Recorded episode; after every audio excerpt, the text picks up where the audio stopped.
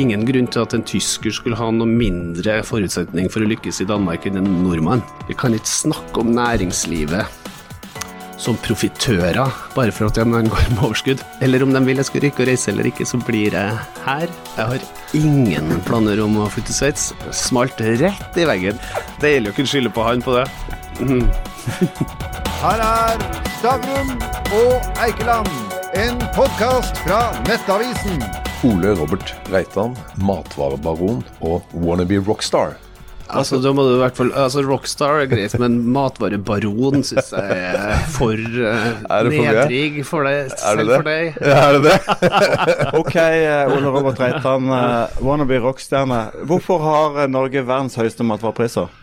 Fordi vi har en landbrukspolitikk som sikrer at vi har matproduksjon i hele landet, og som også sikrer at vi har bosetning fra Kirkenes til Lindesnes.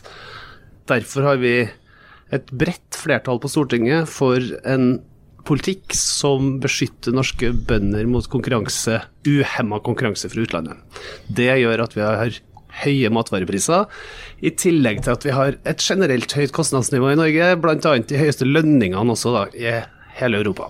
Men hvis vi hadde fjernet dette importvernet som du, du snakker om, hvor, hvor, hvor mye billigere ville eh, prisen ha blitt?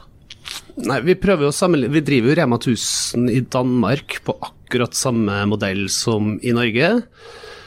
Og der er prisene 30-40% lavere. Så hvis vi kunne henta varer fra vår distribunal i Horsens inn til våre butikker i Norge, så hadde vi kunnet satt ned prisene med 30-40% Altså, altså Nettavisen gjorde faktisk en sånn sammenligning her nå nylig. Ja. Uh, og Da var det serranoskinka var 61% dyrere i Norge. Eh, og spansk salami var 74 Så, så det er jo betydelig uh, høyere priser vi har i Norge som følge av Ja. importvernet. Ja, det er riktig. Og så er det jo litt forskjell på de to markedene på hvilke varer det er konkurranse på også. For det er forskjellig avanse fra varegruppe til varegruppe mellom Danmark og Norge. Så eh, det, det nytter ikke å ta et enkeltprodukt og sammenligne. Men hvis du tar en handlekurv på et vanlig ukeskonsum for en vanlig fire personers familie, altså tobarnsfamilie, så vil jeg tro at det er mellom 30 og 40% forskjell. Men du, Mange tror jo at du bare er sjef for Rema 1000, men du er jo sjef for et uh, imperie som etter hvert har strakt seg utover, eh, utover Norge. Beskriv eh, det du i dag leder. Hva er Ja, det? er jo Rema 1000 Norge og Rema 1000 Danmark som er både det største og det som folk flest kjenner til. da. En fantastisk suksesshistorie i Danmark. Vi er jo snart like store i Danmark som i Norge. Mm. Det er størst i Danmark. Ja, og det største dagligvarekjedet både i Norge og i Danmark, og spesielt nå da etter Aldi-kjøpet som vi håper å få gjennomført i løpet av noen måneder nå. Men så er det jo Reitan Convenience da, som starta med at vi fusjonerte med Narvesen i 2000.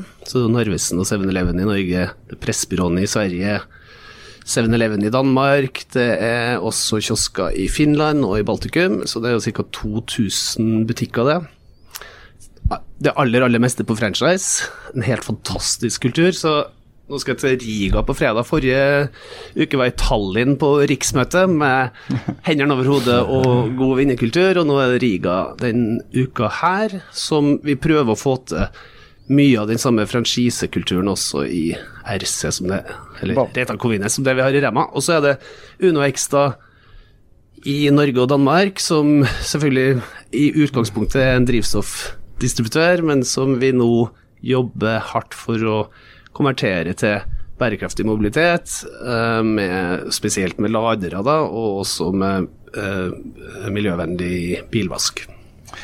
Eh, Rema har på en måte en annen type bedriftskultur enn en Coop og Norgesgruppa, hvis vi ser det utenfra. Eh, er det noe av det dere eksporterer til disse andre landene? Altså Få på en måte Rema-tankegangen inn? Ja, og det er nesten sånn at i Danmark så er jo franchise Hva er franchise? Bare forklar det Franchise er jo da selvstendig næringsdrivende eh, mennesker rundt omkring i Norge og Danmark for Rema 1000 sin del, da, som skriver en samarbeidsavtale med oss om å ha retten til å drive en Rema-butikk i et lokale i en begrensa periode. De er kjøpmenn, på et vis. Så de er kjøpmenn, de eier og driver sin egen butikk. De tar risiko. Eh, De tar Risiko um, Betydelig mindre risiko enn andre som starter egen bedrift. Det er statistisk bevist. Uh, men noe risiko er det, men også en voldsom oppside når de lykkes, da, som jeg velger å si, for de, de aller, aller fleste lykkes jo. Uh, og da kan man holde på i fem år, men man kan også holde på i 35 år, som vi ser eksempler på nå. Og vi ser også franchisekontrakter som nærmest går i arv. De går ikke automatisk i arv, men noen, eller stadig flere butikker ser vi andre generasjon som driver, eh, og der de blir en institusjon i sitt lokalmarked. Så de vil aldri kjøpe opp disse franchise-butikkene? Jeg så eh, Norgesgruppen gjorde det nå med Nei, men det er jo våre butikker, for det er vårt eh, lokale. Og det er vår, eller vår leiekontrakt, og det er eh, vårt, vårt, vårt merkenavn. Så det vi leier ut, er jo rett retten til å drive butikk der i en begrensa periode. Så vi trenger ikke å kjøpe noen ting. Vi har aldri solgt noen ting. Det er bare en, en rett til å, til å drive eh, eh, i en periode, og så når den perioden er over, så kan du fornye. Eller eh, vi må rekruttere og finne noen nye.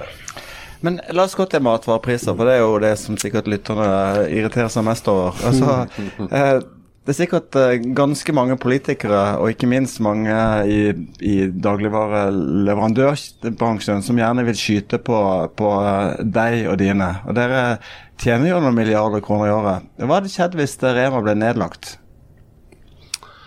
Nei, altså da hadde jo blitt bare to aktører igjen i, i Norge. da, Så hadde jo konkurransen som vi alle sammen mener er for liten nå, blitt enda mindre. Og Norgesgruppen hadde vel kunnet tatt livet av Coop ganske raskt, vil jeg anta. Både med mer effektive løsninger, mer bedre konsepter, mer konkurransekraft. Så det er jo ikke veien å gå. Vi må jo heller sørge for at vi lager et dagligvaremarked i Norge der det blir plass til flere, eller at det blir mulig for nye å etablere seg. Og det har vi jo jobba med en stund nå, med å prøve å få politikere til å forstå at vi trenger å legge til rette for bedre konkurranse mellom de tre aktørene vi har. Eh, og også redusere etableringshinder for nye aktører gjennom å ta bort noe av den voldsomme skjevfordelinga som det er på innkjøpsbetingelser på, på bakgrunn av størrelser. For sånn som det er i dag, så er det helt umulig å starte en ny dagligvarekjede i Norge og så ringe til Orkla og tro at du skal få noe som helst fornuftig innkjøpsbetingelser på Pizza Grandiosa.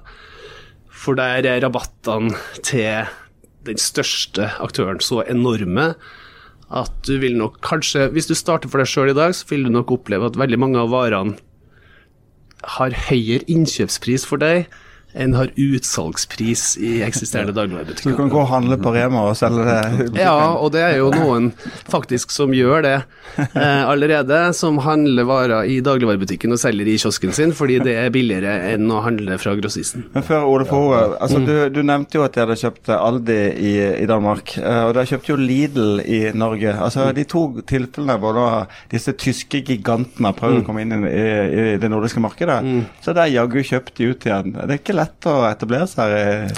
Nei, altså, men det er nå i Danmark, da. Så der er, jo, der er det jo faktisk åpen landbrukspolitikk. altså Det er ingen grunn til at en tysker skulle ha noe mindre forutsetning for å lykkes i Danmark enn en nordmann. Mm. Så der er det bare at vi er flinkere enn dem til å drive butikk, og det er jo nesten litt surrealistisk for meg å si, fordi Aldi var jo vårt store forbilde da Rema 1000 ble etablert i 1979. Men jeg tror nok at eh, de har valgt å ikke ta hensyn til lokale eh, særegenheter i like stor grad som oss, og tura frem med et Aldi-konsept som fungerer i Tyskland, men som ikke har fungert like godt i Danmark. Men ok, du, har jo nå, du og din far og din bror har klagd nå på Norgesgruppen i mange mange år. og Det er de som er Kiwi. Mm. Og sier at konkurransen er ikke god nok fordi at de mm. har mye billigere eh, innkjøpspriser.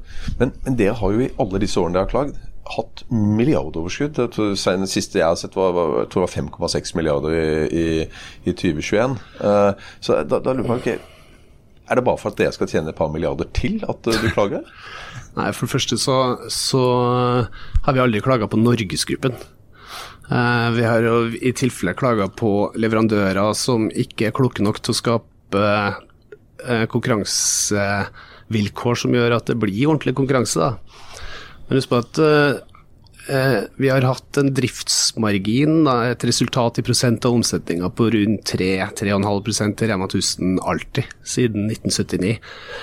Det mest, aller, aller meste av et resultat i et selskap går jo reinvesteres i bedriften. Vi har jo vokst og vokst og vokst og åpna titalls nye butikker hvert år.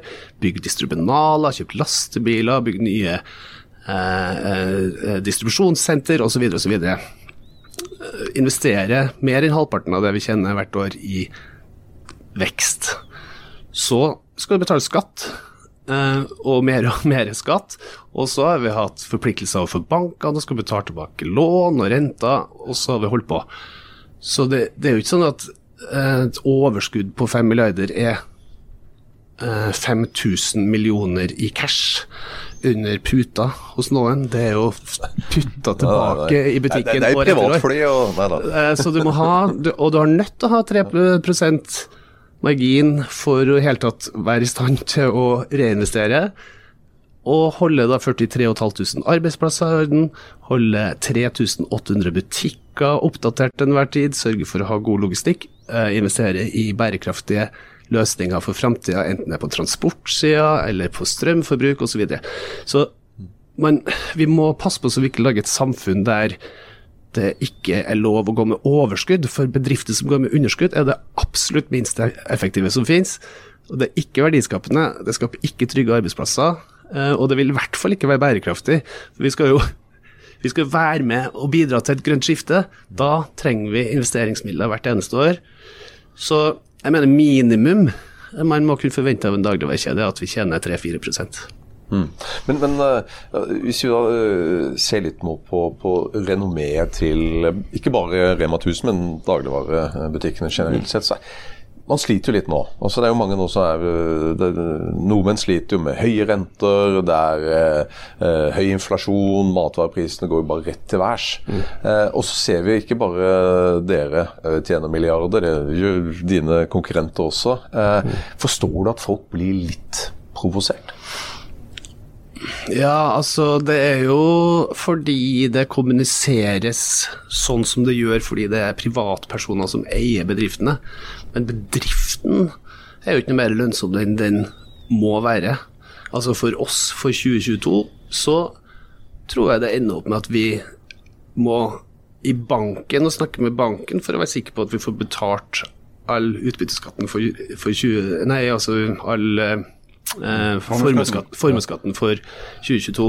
Fordi vi eh, Alt øker av kostnader. Eh, alt øker av investeringer. Arbeidskapitalen har økt fordi alle verdi... eh, eh, altså varelagrene har økt i verdi. Oljeprisen har gått opp. Så vi trenger solide bedrifter, enten de er privateid eller statlig eid. Og resultat er, som jeg sa i sted, ikke det samme som penger under puta. Og for oss for 2022 så er det ingen penger under puta. Så vi må passe på, og det syns jeg også politikere må huske på. Vi kan ikke snakke om næringslivet som profitører bare for at man går med overskudd. Fordi overskudd sikrer arbeidsplasser. Men hva syns du om, om, om den politiske evnen til å forstå dette markedet? Altså, Reitan har jo en berykta kvinnelig CFO som er ganske dyktig. Og hun hadde forberedt seg på å fortelle Jan Christian Vestre hvordan dette hang sammen, mm. og forberedt seg grundig. Mm. Hvordan gikk det? Nei, altså, jeg vet jo hvilket møte du refererer til, så det gikk ikke sånn kjempebra. Det er jo, eh, syns jeg, en tendens til at politikere utviser litt manglende forståelse for eh, hva det vil si å drive et privat næringsliv. Eh, nå er det faktisk noen positive signaler i helga. Nå ser jeg næringsministeren i hvert fall har tatt avstand fra mye av eh, de største overskriftene fra SV sitt landsmøte. Det er jo bra, da. Eh, så vi får jo velge å tro at Arbeiderpartiet fortsatt er opptatt av verdiskapning. At de bare har vært litt dårlig i retorikken i en lang periode. Og at de nå viser tegn til at de kanskje prøver å, å å moderere seg eller justere inntrykket litt. Jeg, får, Jeg, skal, jeg må hjelpe deg, for du er så diplom diplomatisk. Det som skjedde var Ja, men jeg har fått beskjed at jeg ikke skal være politisk. Hun kom på det møtet og hadde forberedt masse ting og forklarte det til dem. Og ti minutter etterpå står de samme politikerne og snakker med pressen og hadde ikke skjønt noen ting. Det var det som skjedde på det møtet. Men jeg skjønner ikke hvorfor du er så optimistisk på helga. For Kjersti Bergstø sier jo om Røkke at han har plyndret hele kysten og kan ryke og reise for min del. Tror du det blir eh, landesorg i SV hvis du gjør felles sak med broren din og flytter til Sveits? Eh, For det første så har ikke broren min flytta til Sveits. Det er viktig. begynne, Eh, jeg har ingen planer om å flytte til Sveits, så uansett hvor mange Eller om de vil jeg skal ryke og reise eller ikke, så blir jeg her. Liker å sykle i Nordmarka og skal fortsette med det. Eh, Nei, altså Som sagt, jeg velger å tro at mesteparten av Norges befolkning, og også mesteparten av de folkevalgte, mener at det er viktig med privat næringsliv og privat verdiskapning.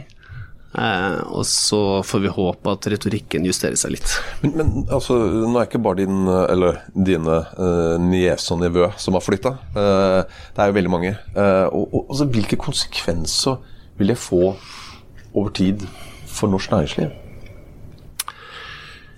Nei, altså hvis du ser på min far, da, for eksempel, som har gjort det godt i et helt liv, og som bor i Trondheim og bruker massevis av kjærlighet og krefter og tid og penger på å investere Britannia. i byen sin. Ja. Um, det tror jeg skyldes at han bor der og er der og går til byen hver dag og trives med å dra til Britannia på lørdag og spise lunsj og være en del av bybildet og være en del av miljøet der. Ehm, samme hvor mye penger har Kjell Inge Røkke brukt på Oppdal, liksom. Eh, og det er jo fordi man er der. Eh, så hvis at alle som har kapital eh, flytter ut av landet, så tror jeg det kommer til å gå utover investeringsviljen og interessen for å bygge noen ting her hjemme da, over tid. Men, men du sa at du kom ikke til å flytte. ok, Og du sa heller ikke at din bror hadde flytta, men i alles øyne så er det han som har flytta, selv om det er kidsa.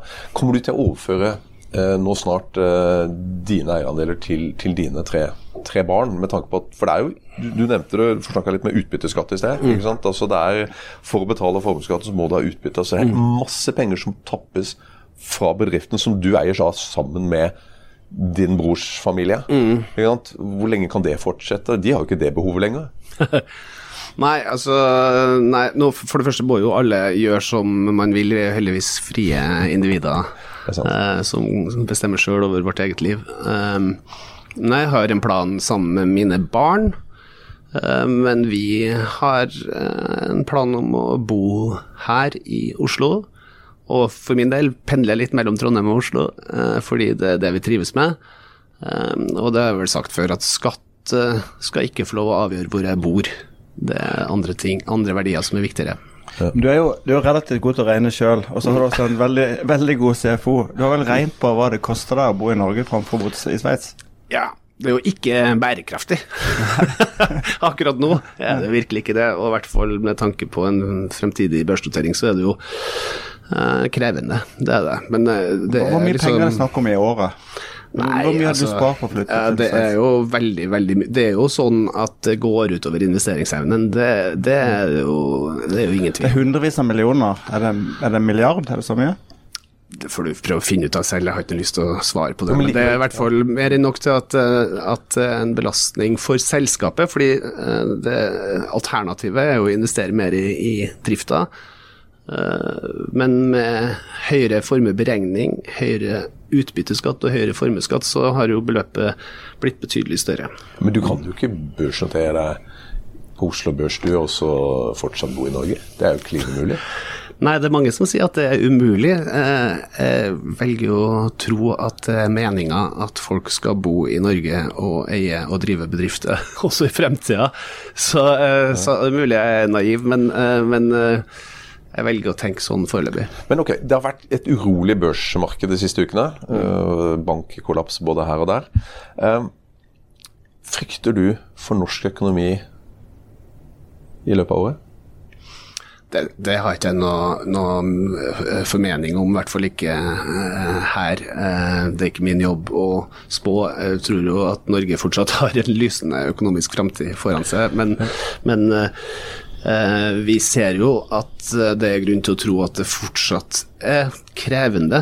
Vi, vi har jo det privilegiet at vi ser jo prisutvikling litt fram i tid. for Vi har jo diskusjoner med våre leverandører som kan fortelle oss litt om hvordan de ser verden foran seg. Og, og det er jo ingen grunn til å tro at, at det ikke skal fortsette å utvikle seg i negativ retning sånn prismessig en god stund til. Men det hva som skjer med eh, norsk økonomi, og, eller global økonomi, er jo ingen av dem som bruker hele døgnet på å prøve å forstå det heller, som, som klarer å forutse, og da skal i hvert fall ikke jeg prøve. Men lønnsoppgjøret men, det, det, du sier egentlig, at du ser, du ser, jo på dine innkjøpspriser hva som kommer til å skje med prisutviklingen i Norge fram i tid. Du, du, har jo mye lengre briller enn økonomene som ser i bakspeilet. Ja.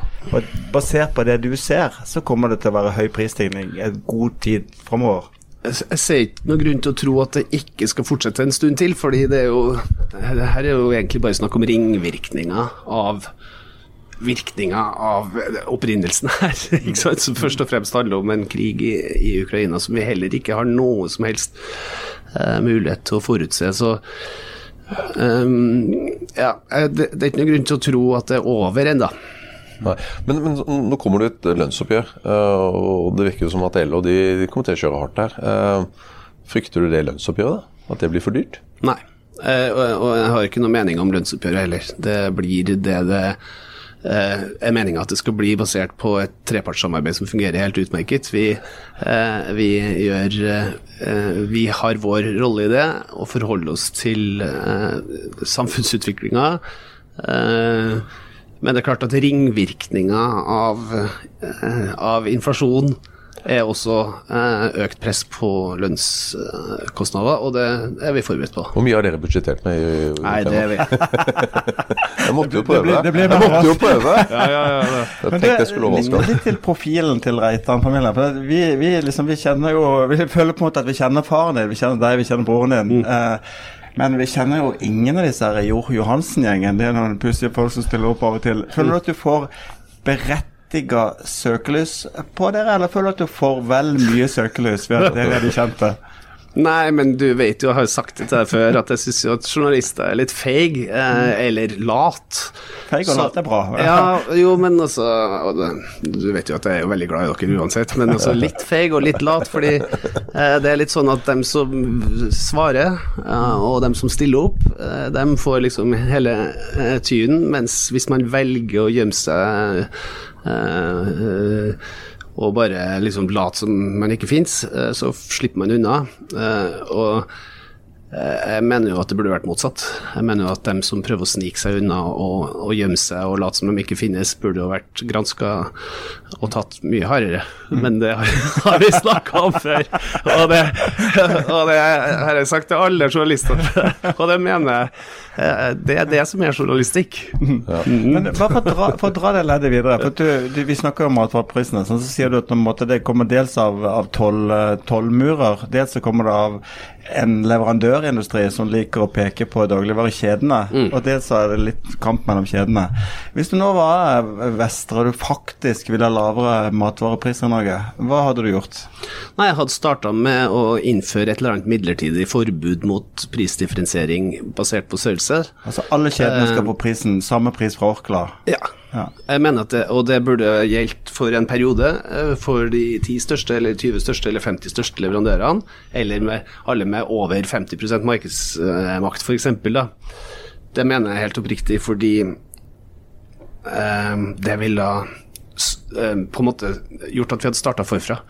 Og eh, det beste eksempelet på hvordan sånne ting fungerer, syns jeg egentlig er fly markedet. For da eh, Norwegian prøvde å komme inn på markedet i sin tid, så eh, var, viste det seg jo helt umulig eh, å få til en ordentlig konkurranse med SAS fordi, på, på innenriks businessreise, fordi alle som jo, eh, reiste i jobb, hadde bonuskortet til SAS. Mm. Ikke sant? Og så lenge du hadde bonuskortet til SAS, så kunne du sikre uh, tur til Paris for deg og kjæresten uh, hvis du bare var lojal uh, hver gang du fløy tur-retur Oslo-Bergen. Så det eh, regjeringa gjorde da, var jo innføre, eller Stortinget gjorde, var å innføre et forbud mot bonuspoeng på innenriksreiser i en periode. Og det tror jeg varte i ti år. Og det var hele utgangspunktet for at Norwegian fikk innpass i det norske markedet. Hadde det ikke vært for akkurat den lille reguleringa i den avgrensa perioden, så hadde de vært sjanseløse mot eh, SAS-kortet. Akkurat det samme kunne man gjort nå. Innført en ordning for en periode som hadde jevna ut konkurransen i norske dagligvaremarkedet. Kanskje til og med gjort plass for én eller to nye aktører. Så kan man ha det i en periode, og så kan man løse opp igjen. Og så har man på en måte løst et problem som akkurat nå er, mener jeg er ganske stort. da. Hvor mye billigere tror du det blir da? Ish. Nei, altså hadde vi fått 5 eh, bedre betingelser, så hadde, eh, hadde vi hatt 5% lavere priser. Hadde vi fått 10% bedre betingelser, så hadde vi hatt 10% lavere priser. Vi har jo en prosentuell økonomisk modell som gjør at vi tjener 3-3,5% Så får vi lavere innpriser, så blir det lavere utpriser. Men for, for å forklare dette til folk, for hvert fall late som jeg skjønner det sjøl. Det er jo tre store aktører. Det er Coop, det er eh, Reitan og det er eh, Norgesgruppen. Eh, Norgesgruppen er den definitivt største. Og i noen av markedene, f.eks. storkjøkken, så har de jo en markedsandel som er sinnssykt høy. Veldig høy. Eh, når de har mye bedre innkjøpspriser enn dere har, mens de må konkurrere på utsalgsprisene med dere, hvor er det profitten forsvinner hen? Jeg tror de har for høyt kostnadsnivå. De driver dårlig, rett og slett? Mm, de driver jo eh, beviselig eh, da, altså de, Hvis de har 15% bedre betingelser enn oss fra enkeltleverandører, så må de jo være 15% mindre effektive. Vi har jo de samme prisene ut, og vi klarer nå oss år etter år. Så, eh, så det, jeg tror det forsvinner i, i det. Og så at vi har fått et overoppheta utleiemarked for dagligvarebutikker, er det jo ingen tvil om. Det er jo full budkrig på hvert eneste lokale på hver eneste gatehjørne, eh, og en voldsom betalingsvilje.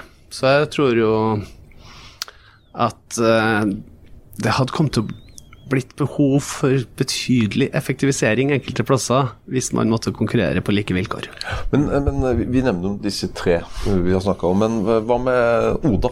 Altså, frykter du ikke at eh, online eh, kommer til å utkonkurrere etter hvert? Jeg vet at de er for små nå, men eh, Eller har, har du ikke noe Nei, men jeg har i hvert fall tenkt å Hvis at det blir sånn at det finnes forretningsmodeller som gjør at hjemmehandel utkonkurrerer den fysiske butikken, så skal jeg jaggu være på plass når det skjer, og, og sørge for å, å ha en posisjon. Men noe Eh, Men jeg, jeg, jeg, jeg ser ikke det enorme potensialet for uh, hjemmehandel basert på de forretningsmodellene som er i dag, men at Oda uh, kan klare seg godt på, med et eh, for en, en liten del av markedet, det, det tror jeg, men altså den helt store markedsandelen foreløpig, det, det Men dette jeg kan jo du. Altså, Det var dette du lærte butikk på, eh, var det ikke det? Ja, du jeg starta tryna altså så grusomt i en alder av 25 år. Eh, smalt rett i veggen, må jeg virkelig si. Eh, det var jo, jeg pleier å si at det var, det var bare jeg og tre stykker til som hadde abonnement på Oslo Nett den gangen, og jeg fant ut at,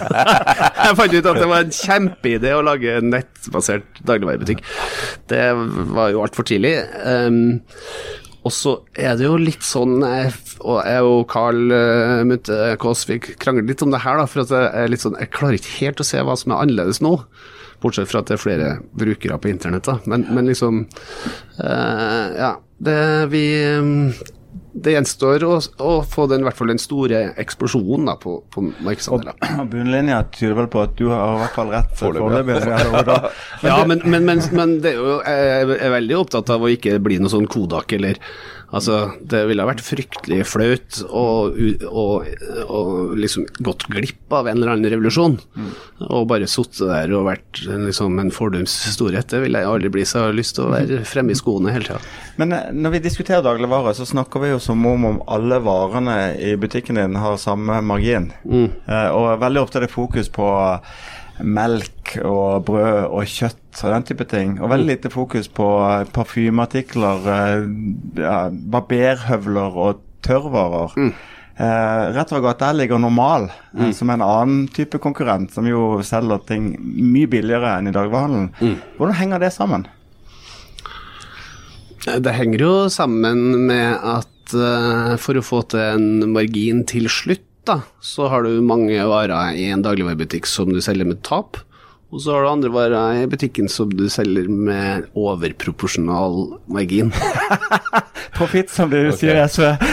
Profitt Det vil si høvel. Hva blir Så, høvel? så uh, Men så Og det som er som jeg kan si, da, bransjehemmelighetsmessig, det er vel at det, eh, norskprodusert fersk eh, mat er ofte forbundet med underproporsjonal margin.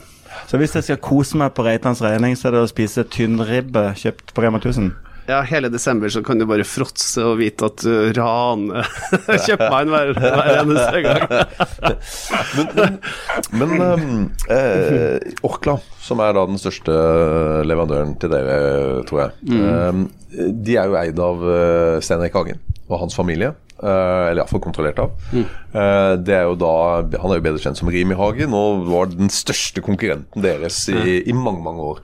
Er dette en sånn takk for sist? At han er så ass? Nei, det er det ikke. Og det er jeg, jeg, jeg har et veldig veldig godt forhold til Sten Erik. Jeg har hatt det også den gangen han var konkurrent, og nå som leverandør. Um, og det her, eh, Jeg skylder ikke på Sten Erik for situasjonen som er, den har oppstått over mange år, og en systemsvikt som vi må løse uh, på et eller annet vis. Og jeg tror faktisk akkurat nå så er det uh, Stortinget som kan, som kan løse opp i det. Uh, Ja, Da blir helt skal for det. Men um, Doffen har daua. Er det du som står bak det? Jeg kan ikke si at jeg står bak Doffen har daua-filmen, eh, men eh, jeg står jo bak eh, slagordet 'det enkle ofte det beste', som jeg mener, skal jeg være helt ærlig, er det kuleste reklamekonseptet som noen gang har vært laga i Norge. Det var veldig, veldig artig. Som det laga vi sammen med Eivind Moe og, og eh, resten av New Deal, het de vel den gangen, da, i det reklamebyrået. Nå, nå er vel Eivind i Try, tror jeg. Men eh, det var en fantastisk prosess, og da var jo jeg markedsdirektør i Rema 1000. Det var sånn 97 eller noe sånt. Jeg er veldig stolt av det enkle og det beste, fordi det, det handler om å kommunisere et, en filosofi eh, for å få folk til å tenke selv eh, resonnementet at hvis, hvis vi tenker annerledes enn de andre og tenker enklere enn de andre, så får vi et lavere kostnadsnivå. Har vi et lavere kostnadsnivå, så ender det opp med lavere priser i butikk. Og Det klarte vi å få til over eh, mange år, og er veldig stolt av det, for hele det konseptet eh, er en god ambassadør for hele det tankesettet som vi ønsker å stå for og ønsker å praktisere. Ja, Det er en god leveregel for de fleste. Det er jo det. Nå har vi stjålet mye mer tid enn vi fikk egentlig fra Robert, men jeg har lyst til å nærme meg litt landing. Og da var vel bedre enn å ta et fly, privatfly. Det er snakk om, eh, om å gjøre som man snakker hvordan i himmels rike kom dere på at dere skal kjøpe dere privatfly når dere skal, når dere skal markedsføre dere som bilaktør? Eh, Du vet, jeg kan ikke uh, uttale meg om, for det var aldri en del av den beslutninga. Det var Derfor du spør uh, han Gamlefar. gamlefar det. Hvis du han. Deilig å kunne skylde på han på det. Du fikk Stavrum og Eikeland, en podkast fra Nettavisen.